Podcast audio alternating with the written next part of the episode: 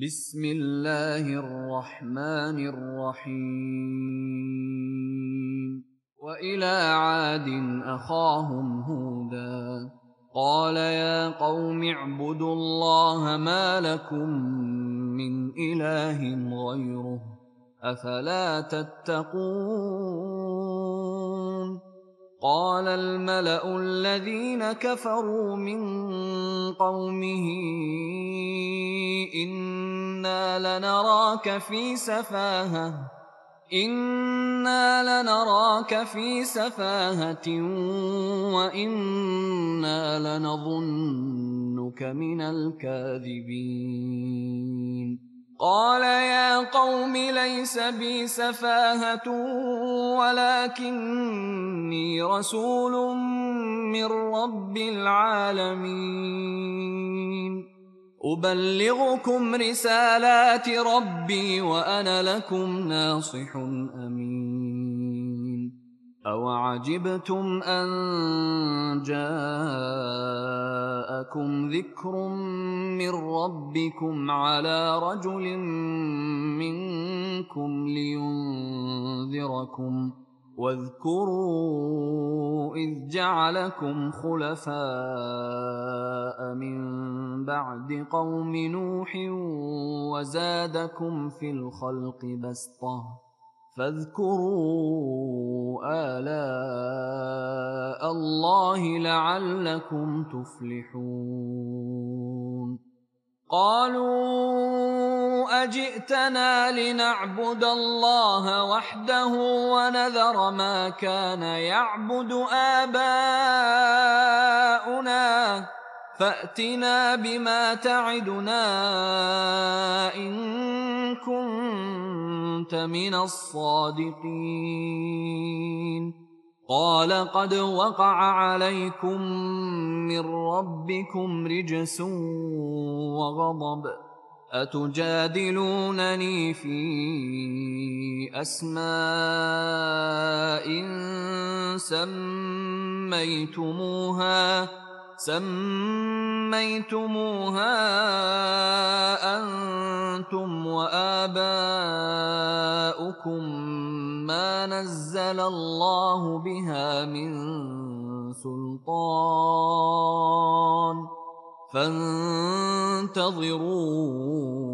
إني معكم من المنتظرين الحمد لله رب العالمين والصلاة والسلام على سيدنا محمد الصادق الوعد الأمين. اللهم لا علم لنا إلا ما علمتنا إنك أنت العليم الحكيم. اللهم علمنا ما ينفعنا وانفعنا بما علمتنا وزدنا علما وأرنا الحق حقا وارزقنا اتباعه وأرنا الباطل باطلا وارزقنا اجتنابه. واجعلنا ممن يستمعون القول فيتبعون أحسنه وأدخلنا برحمتك في عبادك الصالحين. أخرجنا من ظلمات الجهل والوهم إلى أنوار المعرفة والعلم ومن وحول الشهوات إلى جنات القربات. أيها الإخوة الكرام مع الدرس السادس والعشرين من دروس سورة الأعراف ومع الآية الخامسة والستين وهي قوله تعالى وإلى عاد أخاهم هودا. قال يا قوم اعبدوا الله ما لكم من إله غيره أفلا تتقون. أول شيء قوم عاد ضربها الله مثلا للأمم الطاغية. الباغية المستكبرة المعتدية. لذلك لو حللنا مجموعة الصفات التي وصفوا بها في القرآن الكريم لأخذنا العجب العجاب هؤلاء القوم تفوقوا في شتى المجالات. قال تعالى لم يخلق مثلها في البلاد. الأولى. وهؤلاء القوم كانوا متغطرسين وقالوا من أشد منا قوة. وهؤلاء القوم تفوقوا في البنيان. قال تعالى أتبنون بكل ريع آية تعبثون؟ أتبنون بكل ريع آية تعبثون؟ وهؤلاء القوم بظاهر الآية تفوقوا في الصناعة وتتخذونها وتتخذون مصانع لعلكم تخلدون. وهؤلاء القوم تفوقوا في الناحية العسكرية فقال تعالى وإذا بطشتم بطشتم جبارين. وهؤلاء القوم تفوقوا في الناحية العلمية قال وكانوا مستبصرين. تفوقوا في شتى المجالات تغطرسوا استكبروا تفوقوا في العمران في الصناعة في الحرب في العلم. وهؤلاء القوم ماذا فعلوا؟ قال طغوا في البلاد. لم يقل طغوا في بلدهم في البلاد. فأكثروا فيها الفساد. يعني بالطغيان يحاربون ويقصفون. وينتهكون الحرمات ويقتلون الأبرياء. وفي الفساد نشروا الفساد في الأرض. فصب عليهم ربك سوط عذاب إن ربك لبالمرصاد. أهلكهم بريح صرصر عاتية سخرها عليهم سبع ليال وثمانية أيام حسوما فترى القوم فيها صرعى كأنهم أعجاز نخل خاوية. هؤلاء القوم من معاني قوله تعالى وأنه أهلك عادا الأولى.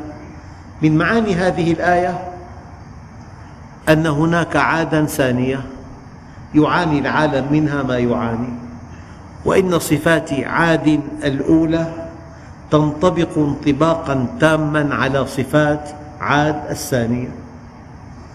لذلك المصير واحد. فصب عليهم ربك سوط عذاب إن ربك لبالمرصاد. لكن الشيء الذي يلفت النظر أنه ما ذكر أن الله جل جلاله ما ذكر أنه أهلك قوما إلا وذكرهم أنه أهلك من هو أشد منهم قوة. إلا عادا حينما أهلكها قال أولم يروا أن الله الذي خلقهم هو أشد منهم قوة؟ بمعنى أنه بنص هذه الآية لم يكن فوق عاد إلا الله. وهذه عبرة ما بعدها عبرة. أيها الإخوة يقول الله عز وجل وإلى عاد أخاهم. ماذا تعني أخاهم؟ طبعا أخاهم مفعول به لفعل محذوف تقديره وإلى عاد أرسلنا أخاهم. إذا مفعول به لفعل محذوف تقديره أرسلنا. طيب ما معنى أخاهم؟ يعني من جنسهم. هم بشر وهود بشر. تعني أخاهم أنه لغته كلغتهم. وهذه نعمة كبيرة واللغة أكبر حاجز بين شخصين. أخاهم هودا أي من جنسهم هو بشر تجري عليه كل خصائص البشر وهو, وهو نبي لهم ولغته من لغتهم. هم يأنسون به. لماذا؟ لأنهم يعرفون عنه كل شيء. يعني أنت مثلا لك أخ وأنت كبير في السن هو صغير بتعرفه من ولادته إلى الآن. ما في شيء يغيب عنك منه. فأخوهم من جنسهم هو بشر لغته كلغتهم يعرفون عنه كل شيء. أنت أي واحد غريب قال لك تعال اذهب معي. إلى هذا المسجد بتخاف ما بتعرفه. أما لو قال لك أخوك مطمئن له. إذا معنى أخاهم أنه من جنسهم.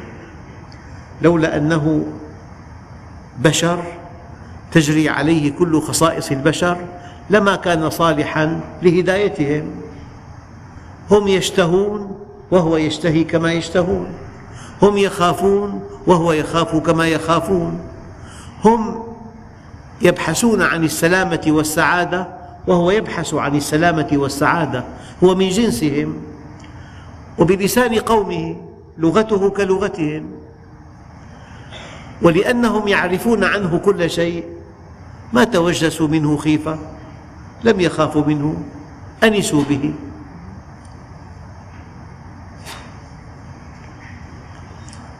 أما معنى وإلى عاد أخاهم الأخوة أخوتان أخوة قريبة وأخوة بعيدة.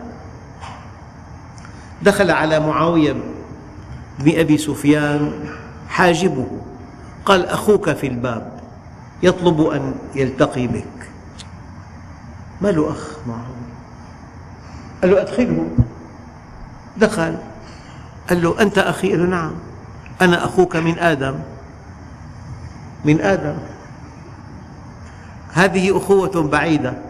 يعني كل واحد من بني البشر أخ لأي واحد لأب واحد هو آدم ولأم واحدة هي حواء. فكل إنسان على وجه الأرض في القارات الخمس هو أخوك من أبيك البعيد وأمك البعيدة. قال أعطاه مبلغ من المال. رآه يسيرا فعاتبه قال له معاوية لو أعطيت كل أخ لي من أبي آدم لما وصلك شيء. نعم. فهذا أخ بعيد. أما أخ قريب من أخ لأب وأم مباشر. وإلى عاد أخاهم هودا.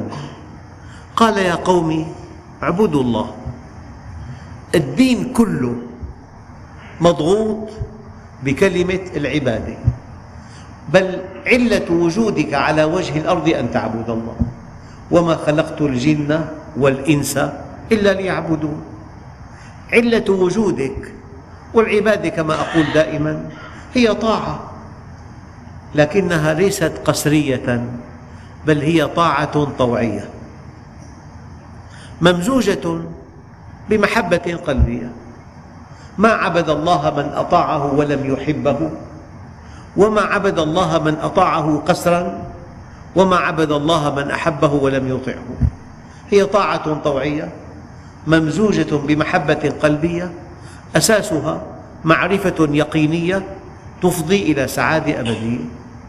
أن يعبدوا الله وأكبر وهم توهم به المسلمون أو توهمه المسلمون هو أنهم ظنوا أن العبادة هي أداء العبادات الشعائرية ولكن حقيقة العبادة هي أن تطيع الله جل جلاله في كل مفردات منهجه في كل مفردات منهجه وقد تصل هذه المفردات إلى خمسمائة ألف نوع في طعامك في شرابك في صحوك في نومك في سفرك في حلك في ترحالك في زواجك في طلاقك في أفراحك في مسراتك في أحزانك في قوتك في ضعفك في فقرك في غناك. وأنت مع زوجتك وأنت مع أولادك. بل إن هذا المنهج منهج تفصيلي. يبدأ من العلاقات الزوجية أو من فراش الزوجية ويستمر إلى أن ينتهي بالعلاقات الدولية. أن يعبدوا الله. في عبادة الفرد عبادة الهوية. الغني عبادته الأولى إنفاق المال. والقوي عبادته الأولى إحقاق الحق. والعالم عبادته الأولى تعليم العلم. والمرأة عبادتها الأولى رعاية زوجها وأولادها. هذه عبادة الهوية.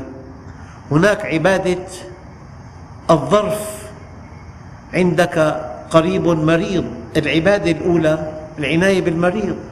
عندك ضيف العناية الأولى إكرام الضيف. عندك ابن في أسبوع الامتحان العبادة الأولى رعاية هذا الابن وتهيئة الجو المناسب له. هناك عبادة الوقت وقت الفجر وقت ذكر وصلاة وعبادة وتلاوة. وقت النهار وقت عمل وقت العيد وقت سرور وبهجة. يعني كل وقت له عبادة وكل ظرف له عبادة وكل شخص له عبادة. وهناك عبادة العصر. إذا أراد أعداء المسلمين إفقارنا فكسب المال الحلال استخراج الثروات إنشاء السدود تطوير الصناعات آه، البحث عن دخل كبير تحل به مشكلات المسلمين هو العبادة الأولى. إن أرادوا إضلالنا ترسيخ معالم الدين توضيح قيم الدين الرد على المفترين توضيح بعض الشبهات هي العبادة الأولى. إن أرادوا إفسادنا رعاية الشباب والشابات تهيئة مناشط إسلامية لهم صيانة أخلاقهم العبادة الأولى. إن أرادوا إذلالنا بذل الغالي والرخيص والنفس والنفيس. أول عبادة هي عبادة العصر. فالعبادة أوسع مفهوم في الدين. يدور معك حيثما درت أينما سافرت. وفي أي سن كنت. في سن الشباب في سن الكهولة في سن الشيخوخة. متزوج غير متزوج عامل غير عامل موظف طبيب مهندس. ما من إنسان إلا وهناك مئات الأحكام الشرعية التي ينبغي أن يفعلها حتى يعبد الله عز وجل. إذا وإلى عاد أخاهم هودا قال يا قوم اعبدوا الله. لماذا اعبدوا الله؟ لأنه الخالق.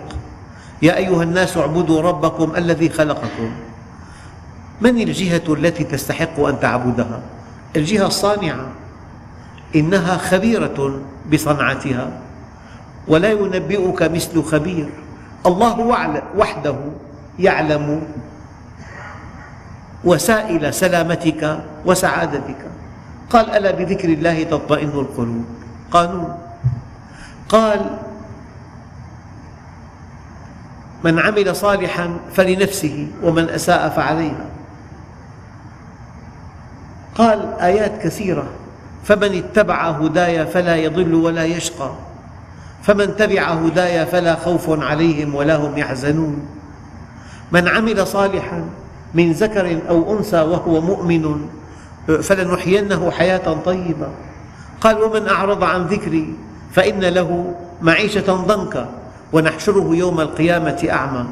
فلذلك الله عز وجل بين كل شيء فعبادته هي علة وجودنا وغاية وجودنا والعبادة هي أن تعرفه فتطيعه فتسعد بقربه في الدنيا والآخرة.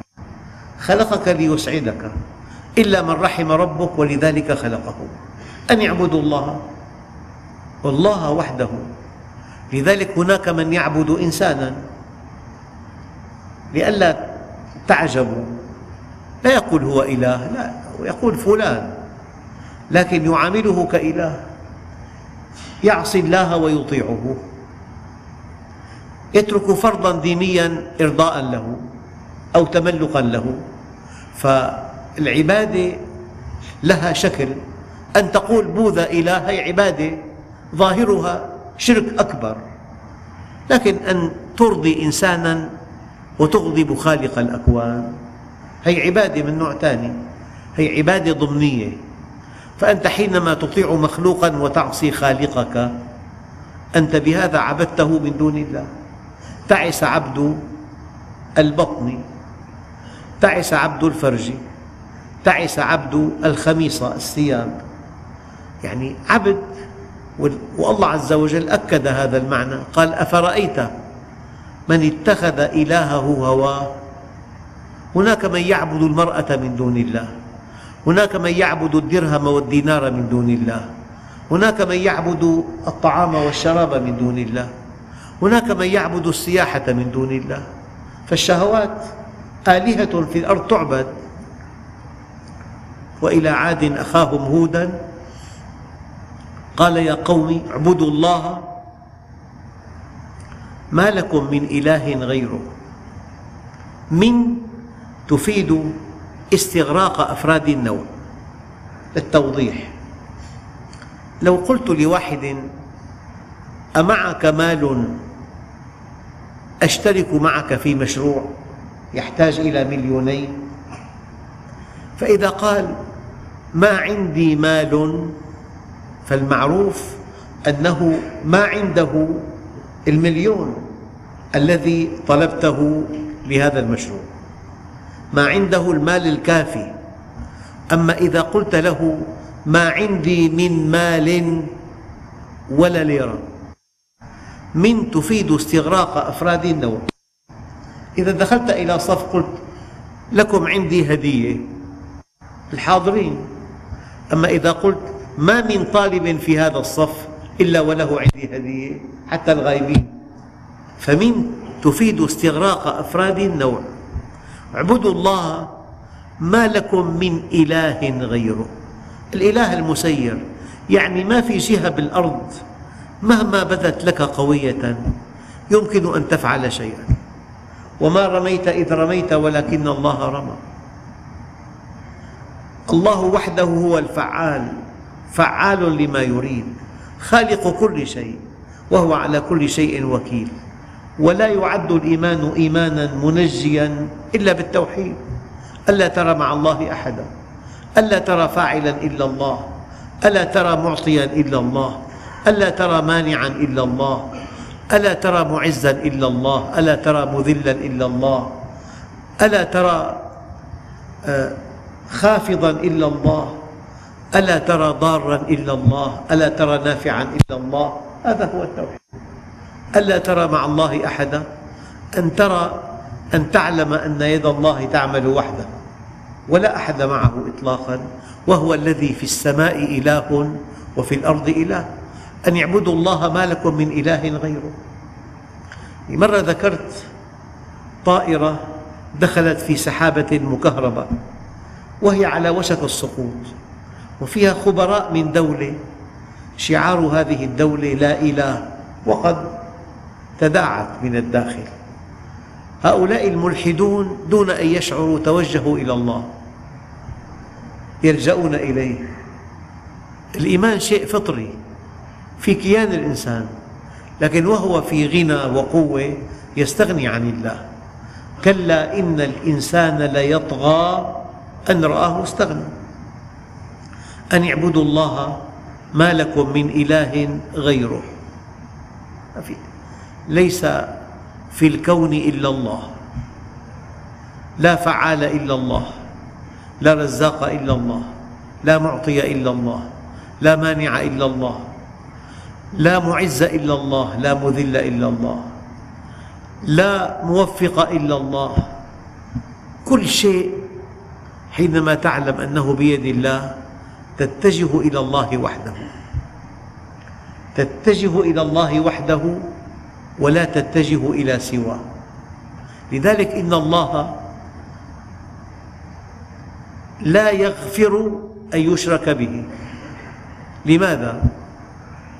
يعني أنت لو أنه لك في حمص مبلغ ضخم جدا خمس ملايين وركبت قطار حمص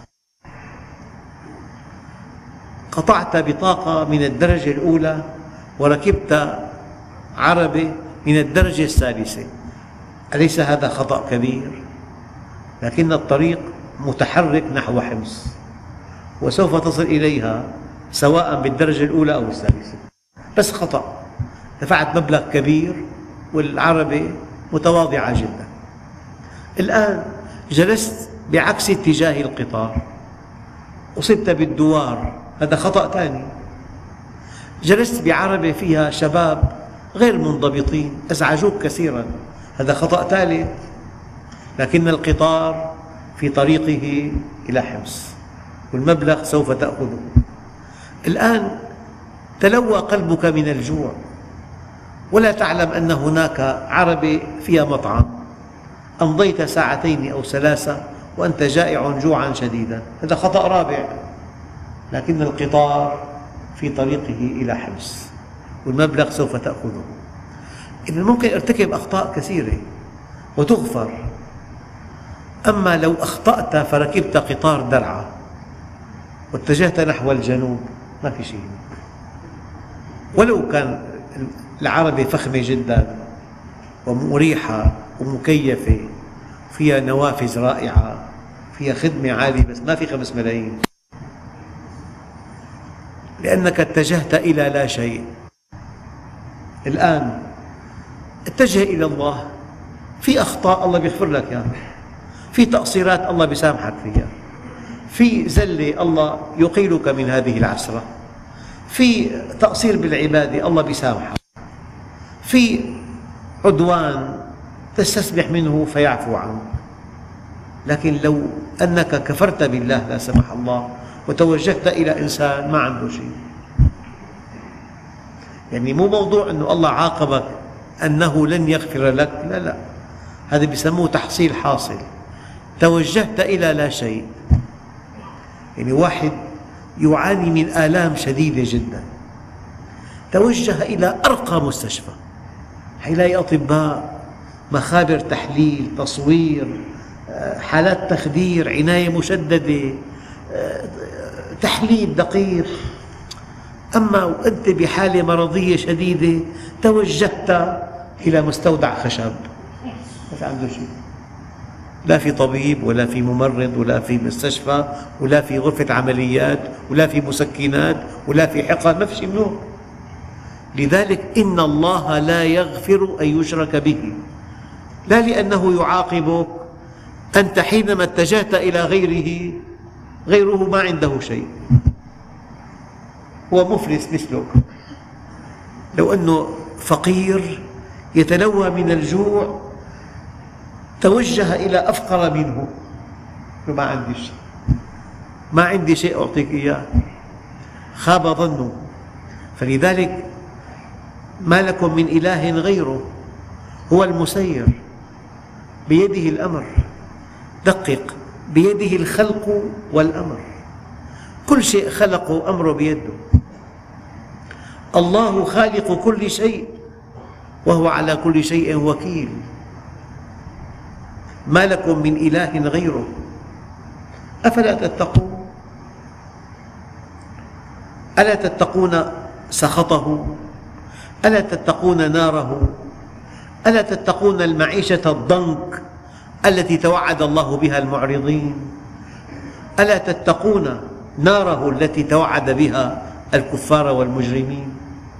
أفلا تتقون؟ أيها الإخوة قال الملأ الذين كفروا من قومه. الملأ شخصيات كبيرة الوجهاء علية القوم. يعني بكل مجتمع في في أكابر. وقد يكون هؤلاء الأكابر أكابر مجرميها. شخصيات مهمة مرموقة جدا قوية غنية يعني حول جماعات كثيرة. قال الملأ الذين كفروا من قومه. معنى ذلك هناك ملأ ليسوا كفار. هناك ملأ إنسان ملء السمع والبصر لكنه مؤمن. ملء السمع والبصر لكنه متواضع. ملء السمع والبصر لكنه سخي. ملء السمع والبصر ولكنه يصغي إلى الحق. ملء السمع والبصر ولكنه يعطي. قال الملأ الذين كفروا هي إشارة إلى أن هناك ملأ مؤمنين. يعني الله عز وجل أعطى الملك لمن لا يحب وأعطاه لمن يحب.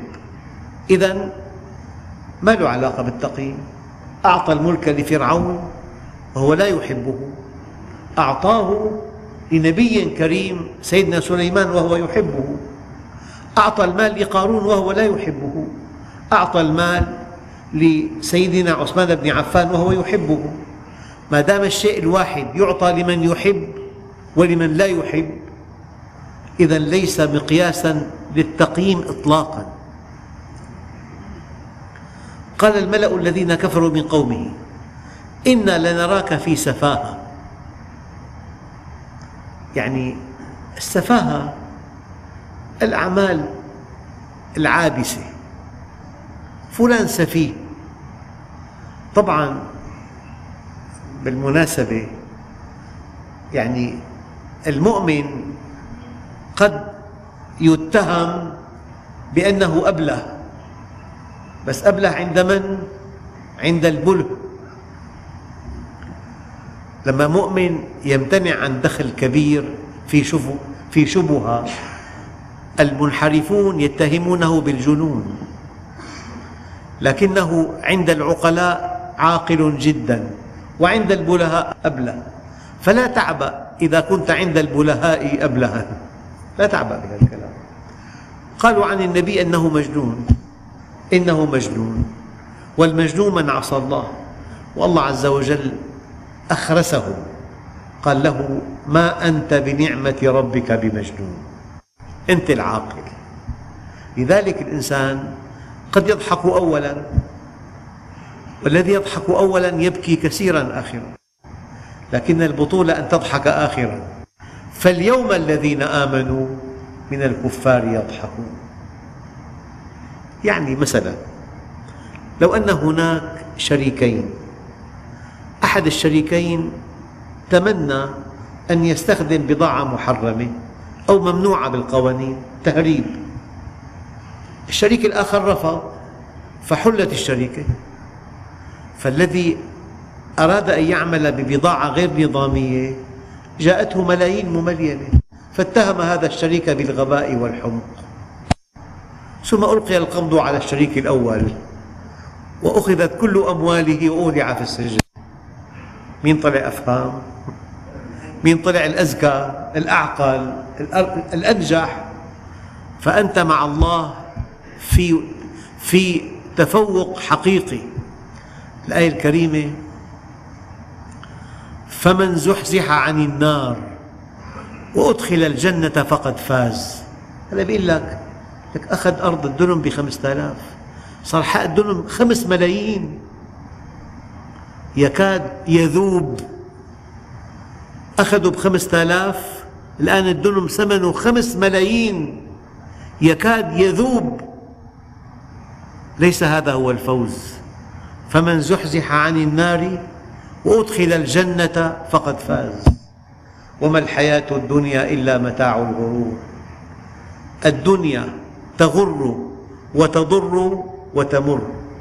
تغر وتضر وتمر. وما الحياة الدنيا إلا متاع الغرور. قال الملأ الذين كفروا من قومه إنا لنراك في سفاهة وإنا لنظنك من الكاذبين. قال يا قوم ليس بي سفاهة ولكني رسول من رب العالمين. أنا لست سفيها لكنني رسول. أنا معي وحي معي منهج معي منهج خالق الأكوان. ليس بي سفاهة ولكني رسول من رب العالمين. أبلغكم رسالات ربي وأنا لكم ناصح أمين. ناصح أمين. أنصحكم وأنا أمين على مستقبلكم. الأخروي أو عجبتم أن جاءكم ذكر من ربكم. يعني غير معقول أن يرسل خالق السماوات والأرض لهؤلاء البشر الشاردين التائهين رسولا يبين لهم يشرح لهم يهديهم يدلهم على طريق السعادة والسلامة. يعني كثير على أب إن رأى ابنه شاردا أن ينصحه. كثير على أب يمتلئ قلبه رحمة إن رأى ابنه على مشارف السقوط في دراسته أن يعظه.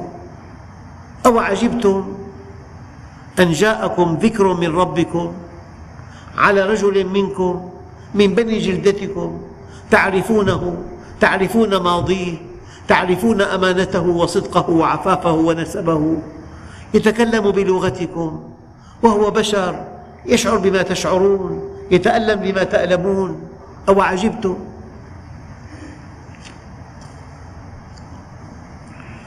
لذلك أن جاءكم ذكر.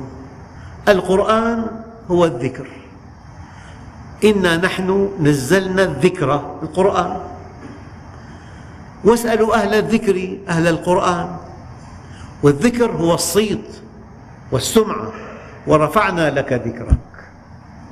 والذكر هو المكان والقرآن ذي الذكر. والذكر هو كل الكتب السماوية وما يأتيهم من ذكر من ربهم محدث. نعم. والذكر هو التسبيح. في بيوت أذن الله أن ترفع ويذكر فيها اسمه. والذكر هو الخير العميم. أقم الصلاة. إن الصلاة تنهى عن الفحشاء والمنكر ولذكر الله أكبر. ذكر الله لك منحك الأمن منحك السكينة منحك الرضا منحك السعادة منحك التوفيق منحك الآخرة. الخير العميم. لذلك أو عجبتم أن جاءكم ذكر من ربكم على رجل منكم لينذركم معنى ينذركم ليأتي بعد الإنذار الالتزام وبعد الالتزام الفوز بسعادة الدنيا والآخرة. الإنذار ليس القصد منه أن يزعجكم. يعني الإنسان إذا شعر بألم في بعض أسنانه ليس القصد من هذا الألم أن يتألم الإنسان. القصد أن يبادر إلى الطبيب كي يعالج هذا الخلل الطارئ فيكسب هذا السن. الألم أحيانا ليس هدفا بذاته. الألم آه، وسيلة لهدف كبير. أو عجبتم أن جاءكم ذكر من ربكم على رجل منكم لينذركم واذكروا إذ جعلكم خلفاء من بعد قوم نوح وزادكم في الخلق بسطة. فاذكروا آلاء الله لعلكم تفلحون. هل تصدقون أن ذكر آلاء الله طريق الفلاح؟ يا رب أي عبادك أحب إليك حتى أحبه بحبك؟ قال أحب عبادي إلي تقي القلب نقي اليدين لا يمشي إلى أحد بسوء. أحبني وأحب من أحبني وحببني إلى خلقي. قال يا رب إنك تعلم أني أحبك وأحب من يحب من يحبك فكيف أحببك إلى خلقك؟ قال ذكرهم بآلائي ونعمائي وبلائي. ذكرهم بآلائي كي يعظموني وذكرهم بنعمائي كي يحبوني وذكرهم ببلائي كي يخافوني. إذا الحالة الطبيعية أن يجتمع في قلب المؤمن تعظيم لله عن طريق آياته الكونية وأن يكون في قلبه محبة له عن طريق النعم التي من الله بها علينا وأن يكون في قلبه خوف من البلايا والرزايا التي يصيب الله بها بعض خلقه. فالحالة الصحية تعظيم ومحبة وخوف. واذكروا إذ جعلكم خلفاء من بعد قوم نوح. وزادكم في الخلق بسطة فاذكروا آلاء الله لعلكم تفلحون. كان عليه الصلاة والسلام إذا نظر في المرآة قال اللهم كما حسنت خلقي فحسن خلقي. واحد نظر في المرآة لا جسمه كامل له عينان له أذنان له شعر له أسنان صدره في أجهزة سليمة يمشي على قدمين. هي نعمة كبيرة جدا.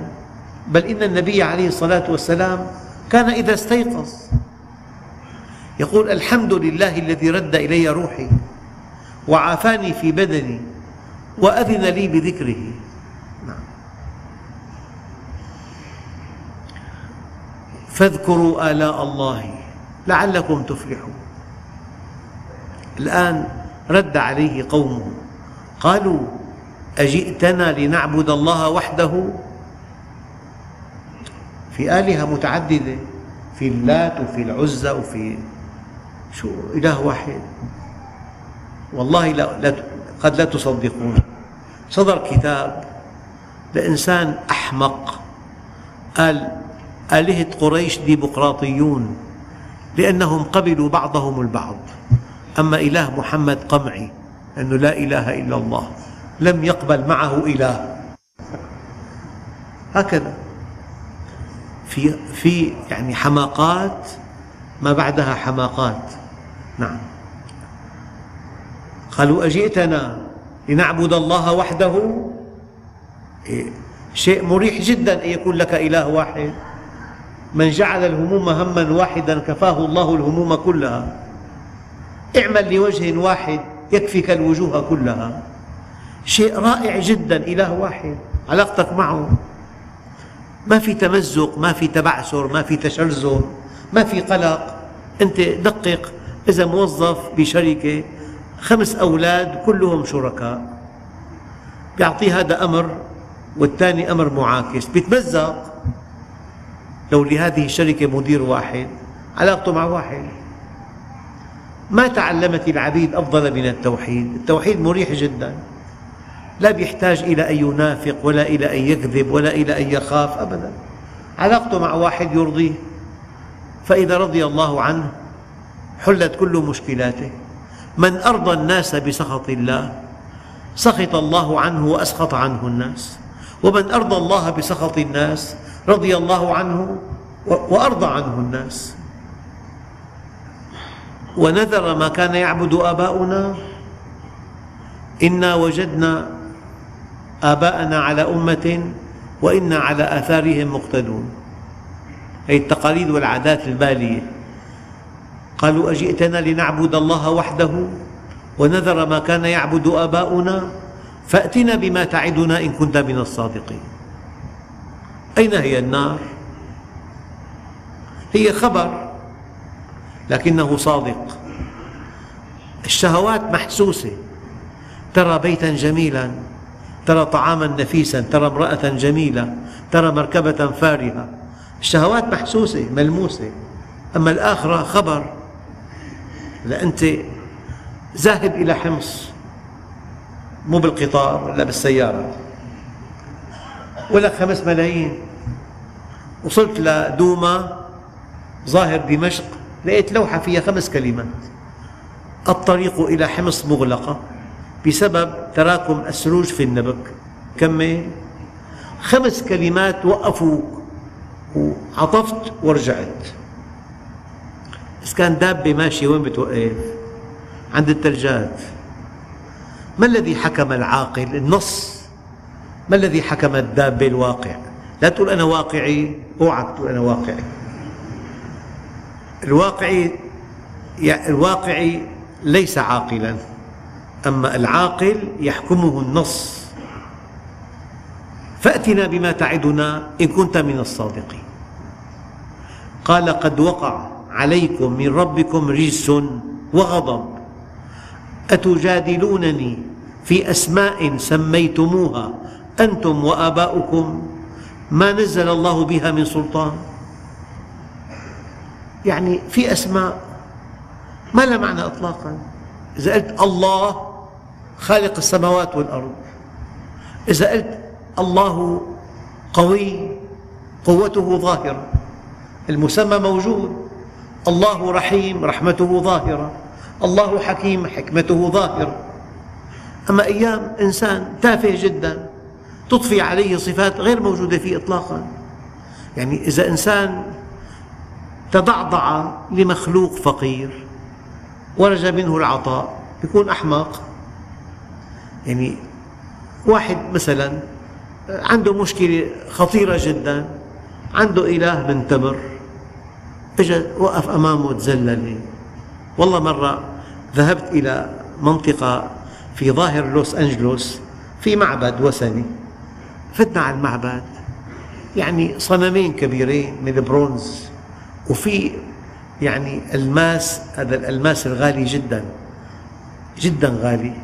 يعني قدرت أنا شيء مليون دولار ألماس.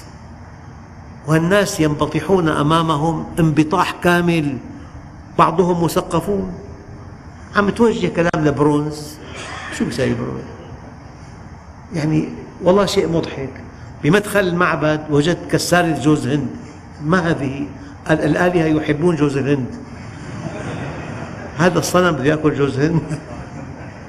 الهند مليانة الهند بهالشكل. بوزة بيقول لك فواكه شيء نفيس جدا. تدخل بقرة لمحل تجاري تأكل من أنفس أنواع الفاكهة. صاحب المحل في غاية السعادة. أنه الإله دخل عنده أكل فواكه. يعني شيء مضحك والله شيء مضحك. قالوا أجئتنا لنعبد الله وحده ونذر ما كان يعبد آباؤنا فأتنا بما تعدنا. إن كنت من الصادقين. قال قد وقع عليكم من ربكم رجس وغضب. أتجادلونني في أسماء سميتموها أنتم وآباؤكم؟ ما نزل الله بها من سلطان. فانتظروا إني معكم من المنتظرين. فأنجاه فأنجيناه والذين معه برحمة منا واقطعنا دابر الذين كذبوا بآياتنا وما كانوا مؤمنين والحمد لله رب العالمين. بسم الله الرحمن الرحيم. الحمد لله رب العالمين والصلاة والسلام على سيدنا محمد الصادق الوعد الأمين. اللهم أعطنا ولا تحرمنا أكرمنا ولا تهنا آثرنا ولا تؤثر علينا أرضنا وارض عنا. وصلى الله على سيدنا محمد النبي الأمي وعلى آله وصحبه وسلم.